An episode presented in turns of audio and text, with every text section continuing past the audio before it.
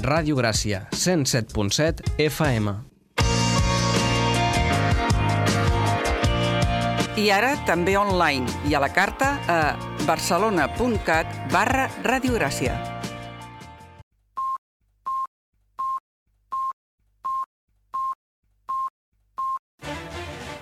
Música i geografia.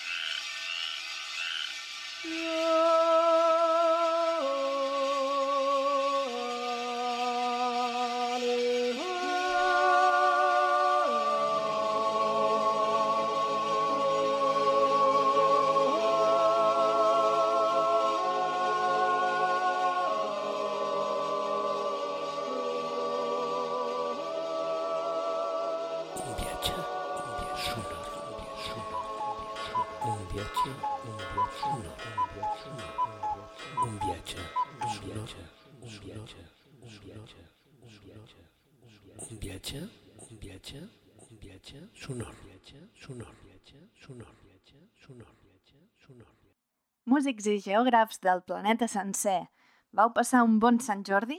Jo vaig passar un grandíssim Sant Jordi amb la Miriam Cano i el Martí Sales i és per això que he pensat que aquesta setmana us volia posar l'agapé de l'any passat en què vam participar ells i la Sara Fontan, que serà resident del LEM d'aquest any, o sigui que millor vinentesa no n'hi havia. No el sentireu sencer perquè és una mica més llarg, però bé, espero que el gaudiu moltíssim. Salut i àgape!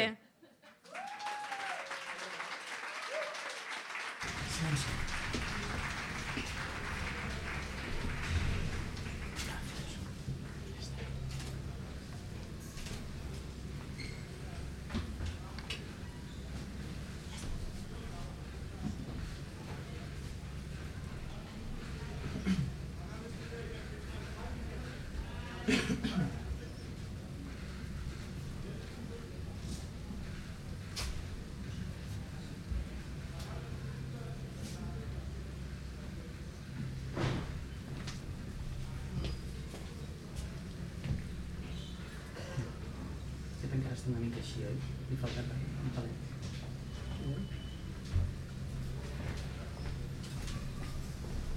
Un palet. No, no, no, no sé, bueno. No li anem aquí.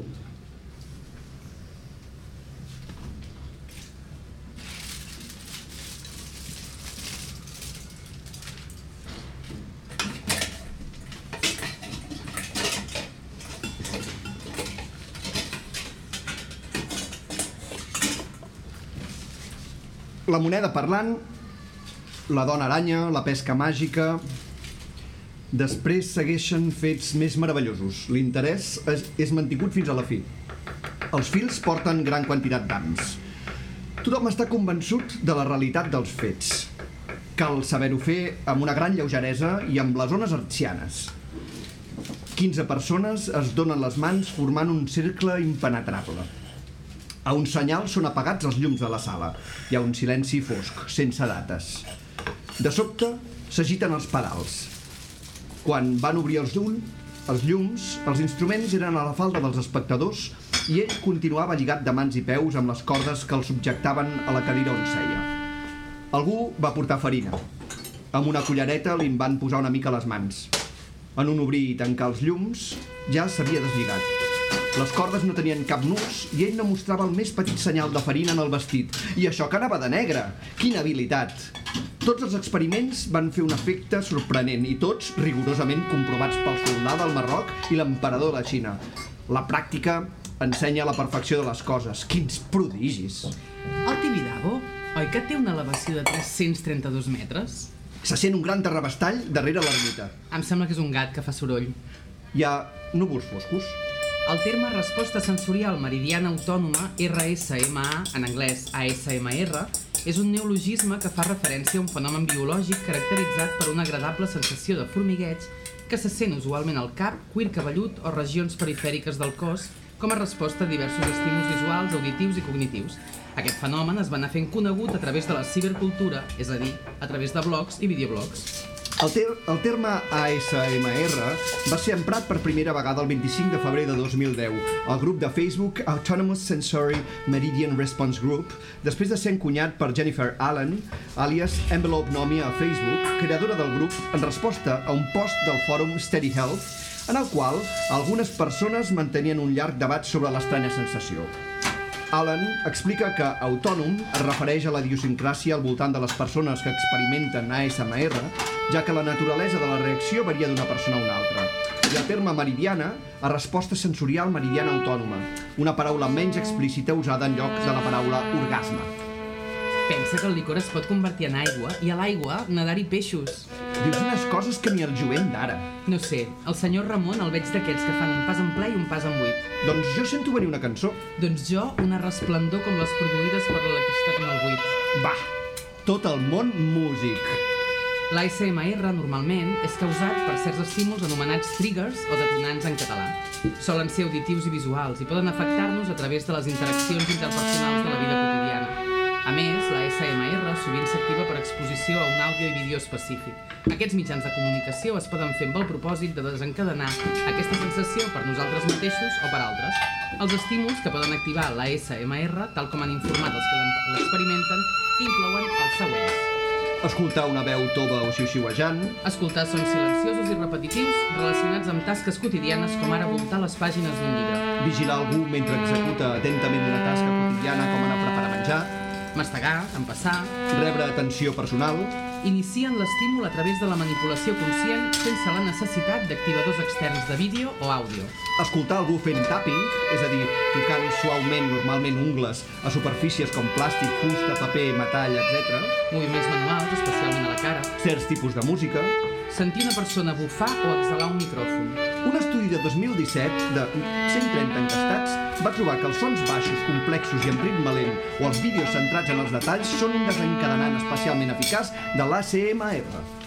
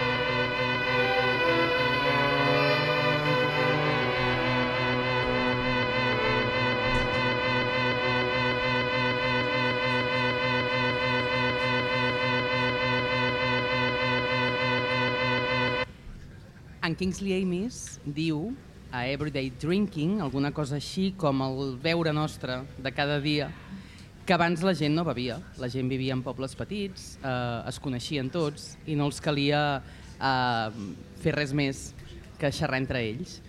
Però en la nostra època de dinars de feina, de conèixer tanta gent, d'haver d'interaccionar contínuament amb els altres, la humanitat s'ha inventat el sistema més efectiu possible, que és, justament, el que ell en diu interrompre la sobrietat. Per tant, us convidem a interrompre la sobrietat, brindem, benvinguts a l'AGP. Moltes gràcies. Salut.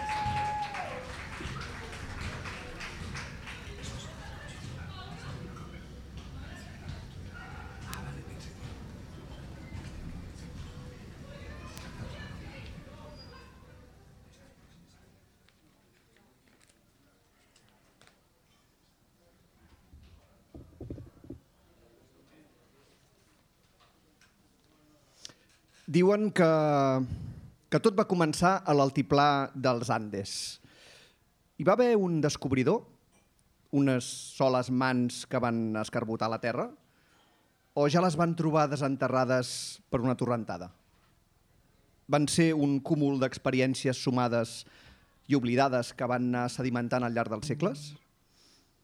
Les preguntes exigeixen una resposta i el pont que predeterminen és massa estret.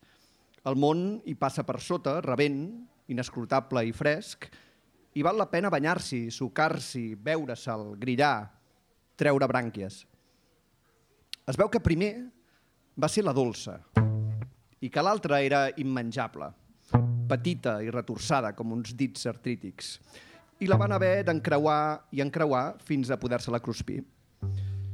I que també la secaven i en feien una pasta per conservar-la fins a 10 anys, que un gran imperi la va fer servir per desplegar el poder pel continent, que n'hi havia fins a mil menes. Tot se'ns escola. Qui sap què va passar fa 10.000 anys? Qui se'n recorda de què va sopar dimecres passat? Truita de patates? Crema de pastanaga? Ningú no recorda la primera vegada. Qui sap quan va mossegar la primera patata? Per què són taronja les pastanagues? No és important. Oi? Què és l'important? Un príncep? Un nom? Un color? Una guerra? La principal informació que dona una pregunta és sobre qui la formula. Què li interessa? Des d'on la fa? Què sap? Com és? Tot, pre tota pregunta prefigura la resposta, o més aviat, la limitació de la resposta. N'és una mena de motlla.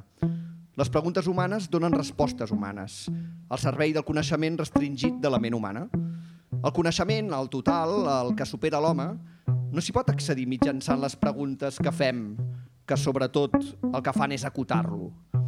La pregunta ens serveix a nosaltres com a esperó, però no pot ser un mètode. Són les crosses de la curiositat quan no vola. Un començament. No ha de ser mai el que determini la nostra recerca. Una veritable recerca descobreix el que no sap que descobrirà. I això ha de permetre. Si, si trobes el que volies trobar, per què ho busques? Què t'aporta?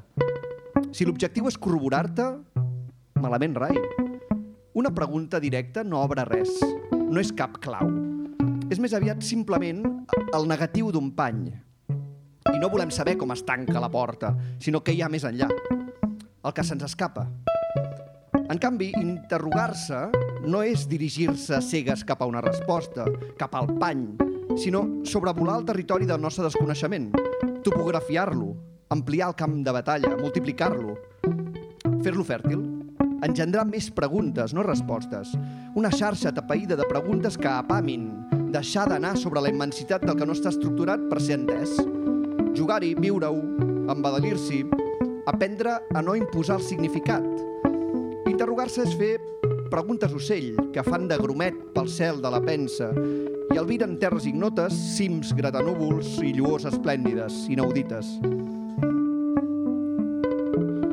Vaig al temple, té dues entrades, per la plaça i pel carreró del darrere. A la barra de marbre xerro amb l'amo que m'explica com un dia, amb un soci, es van tancar la cuina per fer les patates braves perfectes. Mètode científic. Diverses varietats de trumfes, mesures de la temperatura de l'oli i del temps, dobles i triples coccions, etc. No me'n revela els secrets i em recomana els popets, que són una autèntica llaminadura. Li pregunto si se'n recorda del primer cop que va menjar patata. Em diu que no, però que s'imagina que devia ser xafadeta, en forma de puré, com tants infants. Li explico la meva investigació trumfera, plena d'anècdotes al·lucinants com la dicta de Frederic el Gran o la història d'aquest cartell. Ell em diu que el que el meravella de la patata és que sigui infinita. Suposo que es refereix a la capacitat de grillar i de grillar, de no dependre de la llavor per continuar el cicle, de germinar i empaltar-se ara aquí, ara allà, per tot, d'escampar-se, de sortir d'ella mateixa i fer-se una altra. En un sopar fa dies, algú va treure unes quantes bengales per celebrar la trobada i un parell de comensals es van fer alguna cremada lleu. Érem al Priorat.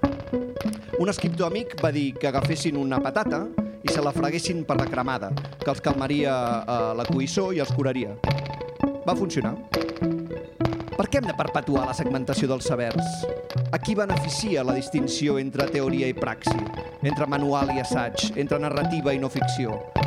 Per què no fem una literatura sense comportes on es puguin plantar patates a les notes a peu de pàgina? Quan els europeus descobreixen la patata a Amèrica, a començament del segle XVI, no els causa gens de sensació, més aviat al contrari. La part verda és verinosa, és de la perillosa família de les solanàcies, no fa gaire bona pinta i no surt ni a la Bíblia. Així que quan arriba a Sevilla, se'n cultiven al pati de l'Hospital de la Sangre l'any 1570 per alimentar els pobres que s'hi estan. Si moren, ningú no farà escarafalls. Contra tot pronòstic, el seu alt valor nutricional, proteïnes, minerals i vitamines fàcils de digerir, els ajuda a recuperar-se. Felip II hi veu un filó i n'envia al papa, que té un ambaixador malalt als Països Baixos i li'n fa arribar. Allà cau a mans del botànic Carolus Clusius, l'introductor de la tulipa, i en planta a Viena, Frankfurt i Leiden. El sonat de Frederic el Gran serà un dels primers a entendre que la patata, per enfortir els soldats i la població en general, perquè és un aliment nutritiu que creix a tot arreu, en condicions adverses i no depèn de les inclemències que d'abasten collites, serà perfecte. Per vèncer les reticències dels pagesos, Frederic farà servir dues vies, la subtil i la categòrica. Fa plantar un camp de patata reial en un lloc de pas i posa guardes perquè el vigilin. Això meravella els pagesos, que s'hi comencen a interessar. Per acabar-ho d'adobar, dona instruccions als guardes perquè s'adormin de nit i no vigilin amb gaire cura. La gent no triga a apoderar-se de les patates covejades i a plantar-les ells mateixos. La via categòrica arriba al 1756 amb Kartoffel Bell, la dicta de la patata, que obliga a tothom a plantar-ne. Del rebuig van passar ràpidament a la devoció. Antoine Agustín Parmentier aplicarà el mateix mètode a França, on la patata estava prohibida pel Parlament des de 1748 perquè deien que causava lepra. Plantant patates al jardí del Palau de les Tulleries per despertar l'interès del tubercle maleït. Però com que no pot reblar-ho amb una dicta, farà servir altres armes per posar-la de moda. Convencerà Maria Antonieta perquè dugui un fa un ram de flors de patates i organitzarà grans tiberis amb celebritats com Benjamin Franklin, en els quals tots els plats són a base de patata cuinada de diverses maneres. Finalment, el 1785, any de males collites, els francesos acceptaran de grat la patata per evitar la fam. Exactament el contrari passarà l'any 1845 a Irlanda. Allà faran monocultiu de la varietat Irish Lumper i quan arribi la plaga americana, la Phytophthora infestans, un fong que causa el mildiu de la patata i se la carreguen un tres no res, en 4 anys el país perdrà 2 milions de persones, l'un de morts i l'altre d'exiliats.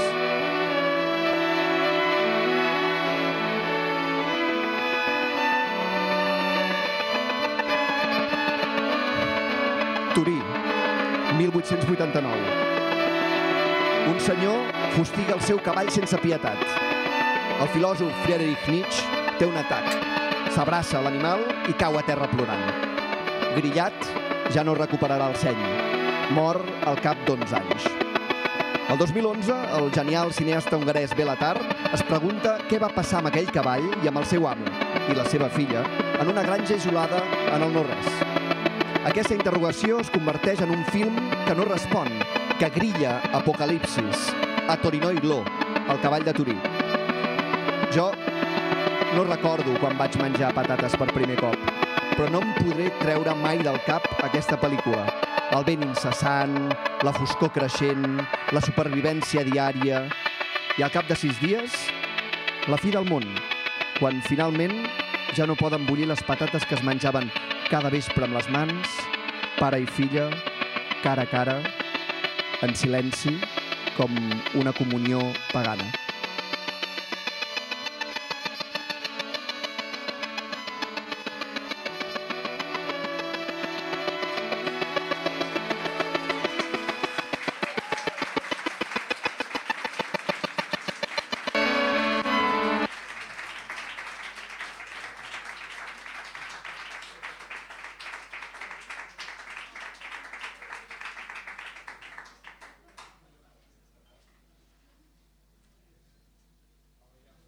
I ara començarem a menjar.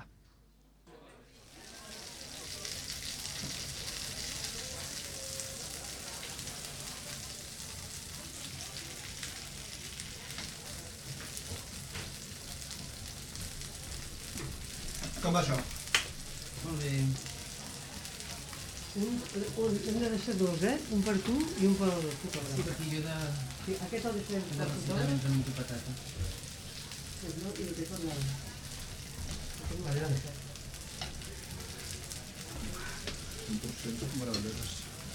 Bé, i si no l'has tastat, et recomano que cacis una valorant. Mira, això, això és meravellós, és meravellós. Mm. Aquests ja estan? Sí, Ah, no, no, no, un, aquests dos són per fotògraf i per la... Ah, val, per l'Ernest i per la Lili. No, per l'Ernest, per fer una foto i per ella, perquè ha de deixar una... Ah, val. Doncs m'esperes un moment. Aquests dos ja estan, també.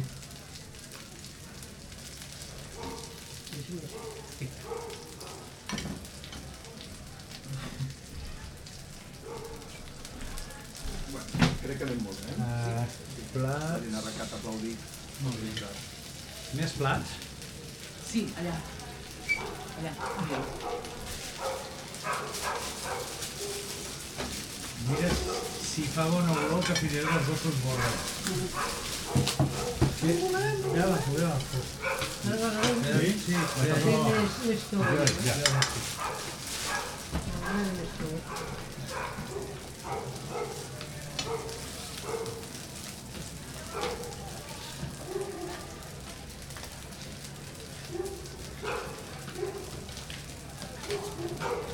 Vale, l'últim. Poc una mica més alt perquè Sí? d'estar. Ah, vale. Que quedi més... Ah, no, està al màxim. Està al màxim. Sí, Sí, està al màxim. està al màxim. No, està al mínim, les vagues. Ara. Va. Sí. Ara està al màxim. Bueno. Ben bé, ben bé. Bueno, tampoc És un puré ara, eh? per un que surti així. Bueno, satisfactes. La gent no hauria d'estar ja, o sigui, clar. Ah, Clar, clar, hauria, això ja hauria d'haver estat per treure-ho tot sencer i suposar per fer la CMR mentre la gent menja. Val. És que no. Va com va, saps? Escolta.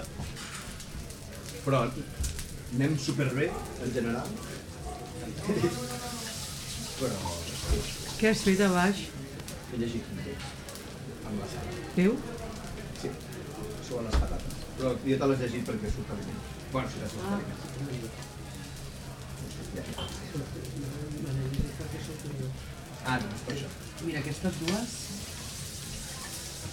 estan una mica puré, però bueno, poden tallar. Vale. Total, és només el... Eso estaban eh, resguardados, ¿no? Este lado. Sí, aquells dos estan reservats, sí. Per, per la foto i per ella després. A veure, m'has de deixar això.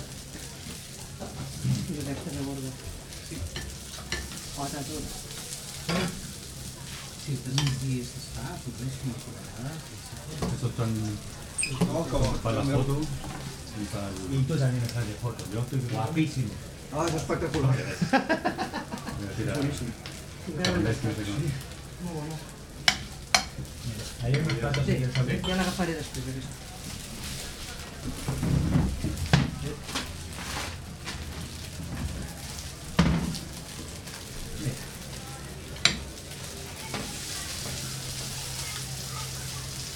Li falta un arròs per fer, eh?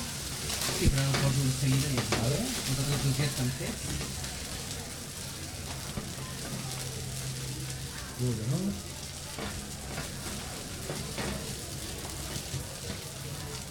Bueno, nosaltres el fotem nosaltres. No? Perfecte. Sí.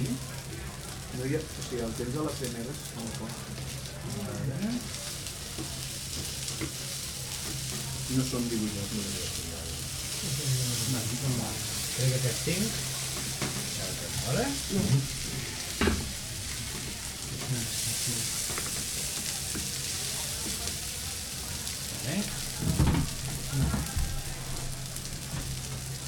Jo crec El saco sense regar, potser. eh? Aquesta. Ha quedat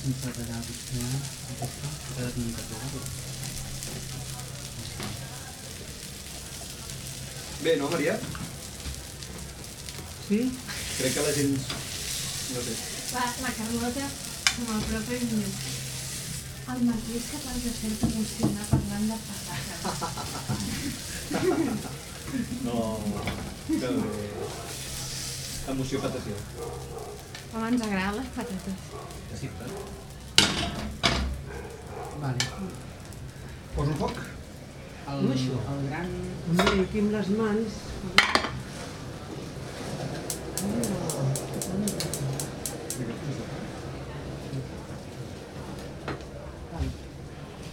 Vale, llavors això molaria que ho deixéssim... Si ho Sí, fessis el deixem en embastat i plan... que doncs... No, ja, ja, ja t'entenc, ja t'entenc. Sí, bueno, ara perquè s'estàs fent, però abans era, abans era més consistent. Però ho podem deixar al càrrec d'algú, això? Sí, exacte, el Maria ho vigila. Vale. Ja...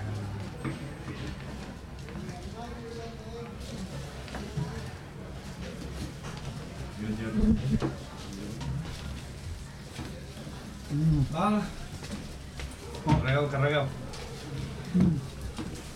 Mmm, que bo. És molt bo. És el més semblant al sexe que Aquests són els últims? Vale, Oh. Tranqui, tranqui. Ja està, ja està. Ja està.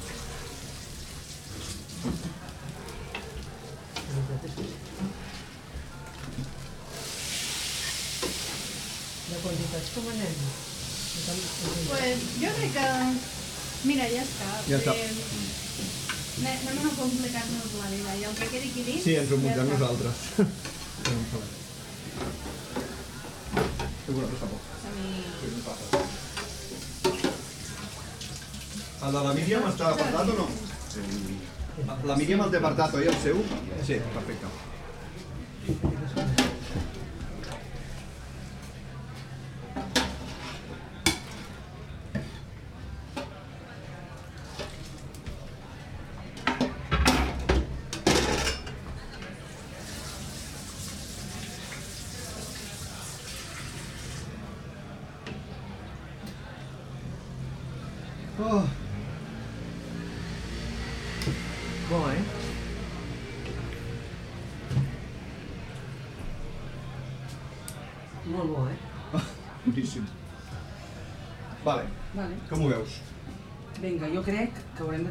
D'emergència i fotre-li aigua, Núria. Sí, sí, O la sigui poso a escalfar.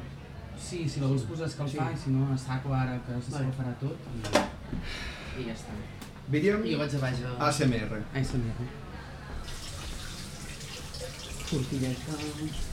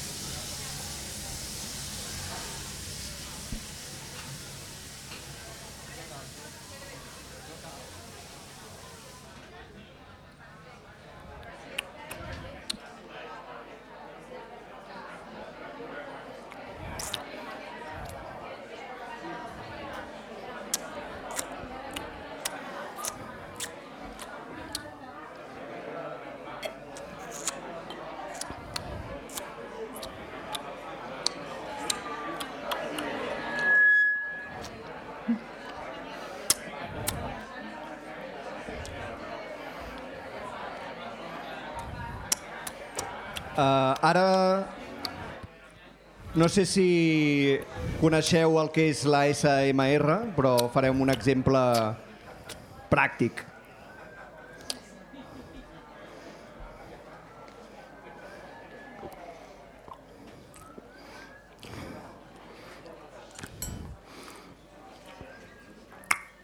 Només volia dir-te que, que m'he menjat l'últim tall de truita de patata que segurament el guardaves per l'esmorzar.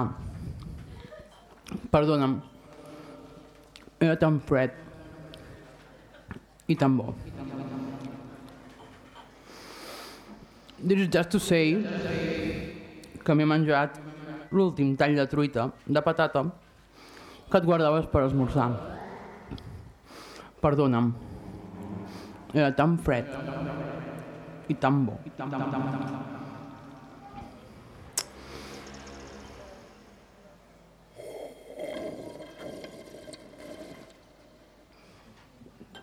Mm. Mm, Només volia dir-te que m'he menjat l'últim tall de truita de patata que segurament t'estaves guardant per l'esmorzar, esmorzar, esmorzar, esmorzar. Perdona'm.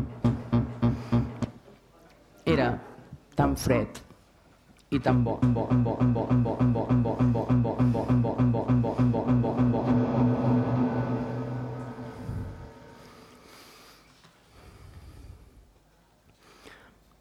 Només volia dir-te que m'he menjat el tall de truita que t'estaves guardant eh, per esmorzar. Perdona'm, era tan fred i tan bo.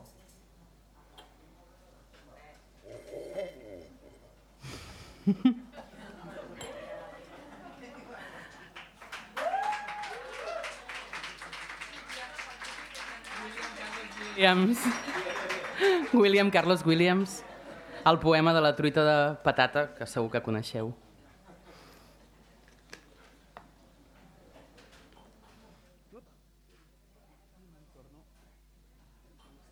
Uh, això que us acabeu de menjar eren unes patates emmascarades. Pensàvem parlar de l'Hombre Enmascarado, de l'escola olotina plenarista, que eren molt fans de l'Hombre Enmascarado i d'aquí ve tot, però al final hem decidit que no, que no, que passaríem ja a parlar del, del següent plat. El següent plat és arròs negre. Uh, vosaltres sabeu per què l'arròs negre es diu arròs negre? Sa- Sabeu el, el, el, el, el per què de la negró de l'arròs negre? Aviam, sisplau, aixequin les mans. Vale. Senyor de... la-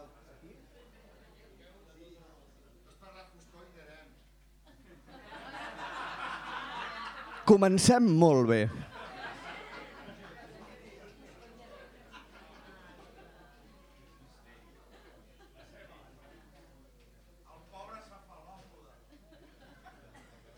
Alguns diuen el pobre cefalòpode, altres diuen la ceba. Um, pur racisme. Um, la història de l'arròs negre uh, és, és, té el seu què, com la de l'hombre enmascarado. Um, hi ha últimament així com popularment la, la, la tradició més popular i fàcil és comprar tinta, tenyir l'arròs i fer-lo com el Nero di Sèpia italià, però hi havia un, un escriptor català molt, molt famós eh, que escrivia sobre menjar i sobre moltes altres coses, en Josep Muntanyós, que, que deia que l'arròs negre es feia, evidentment, a l'Empordà amb, amb, amb un sofregit de ceba molt fosc i que amb això ja n'hi havia prou. Llavors, hi ha, hi ha diverses explicacions, però eh, consultant eh, el Jaume Fàbrega, que és un senyor que en sap molt, eh, diu que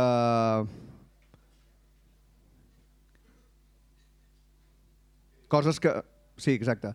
Que Normal, normalment l'arròs negre també es fa amb la tinta dels calamars a les sèpies. Era tradicional entre els pescadors d'Eivissa amb el nom d'arròs amb sutge, les deixalles negres de la xamaneia. El... Veus? Ja està. La xamaneia, el sutge...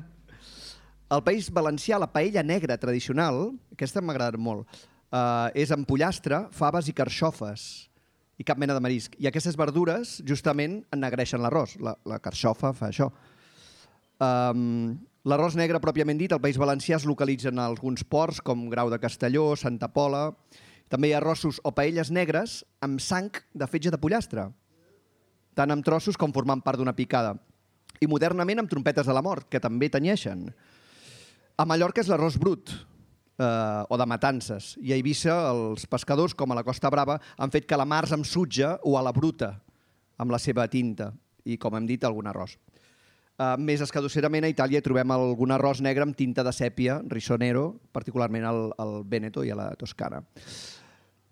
Veurem com l'ha fet la Míriam. Uh, ja veureu que la cosa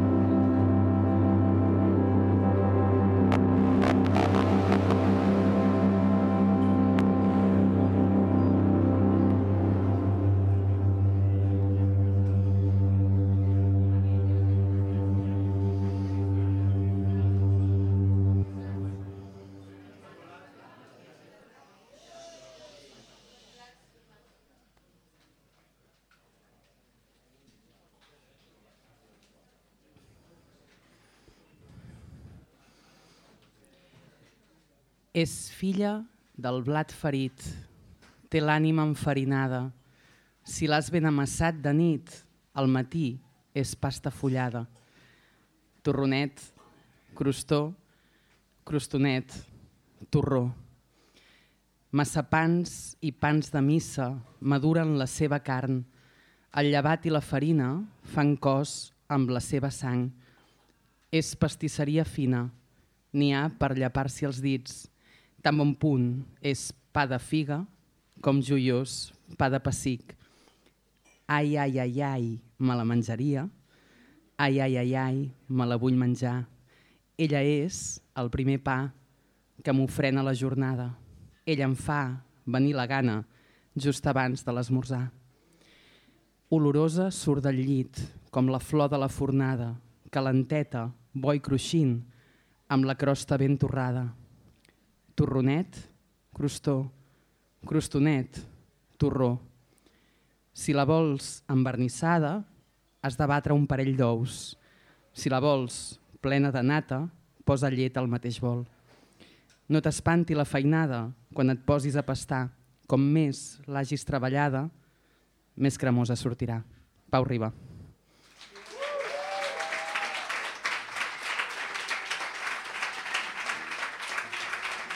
Aplausos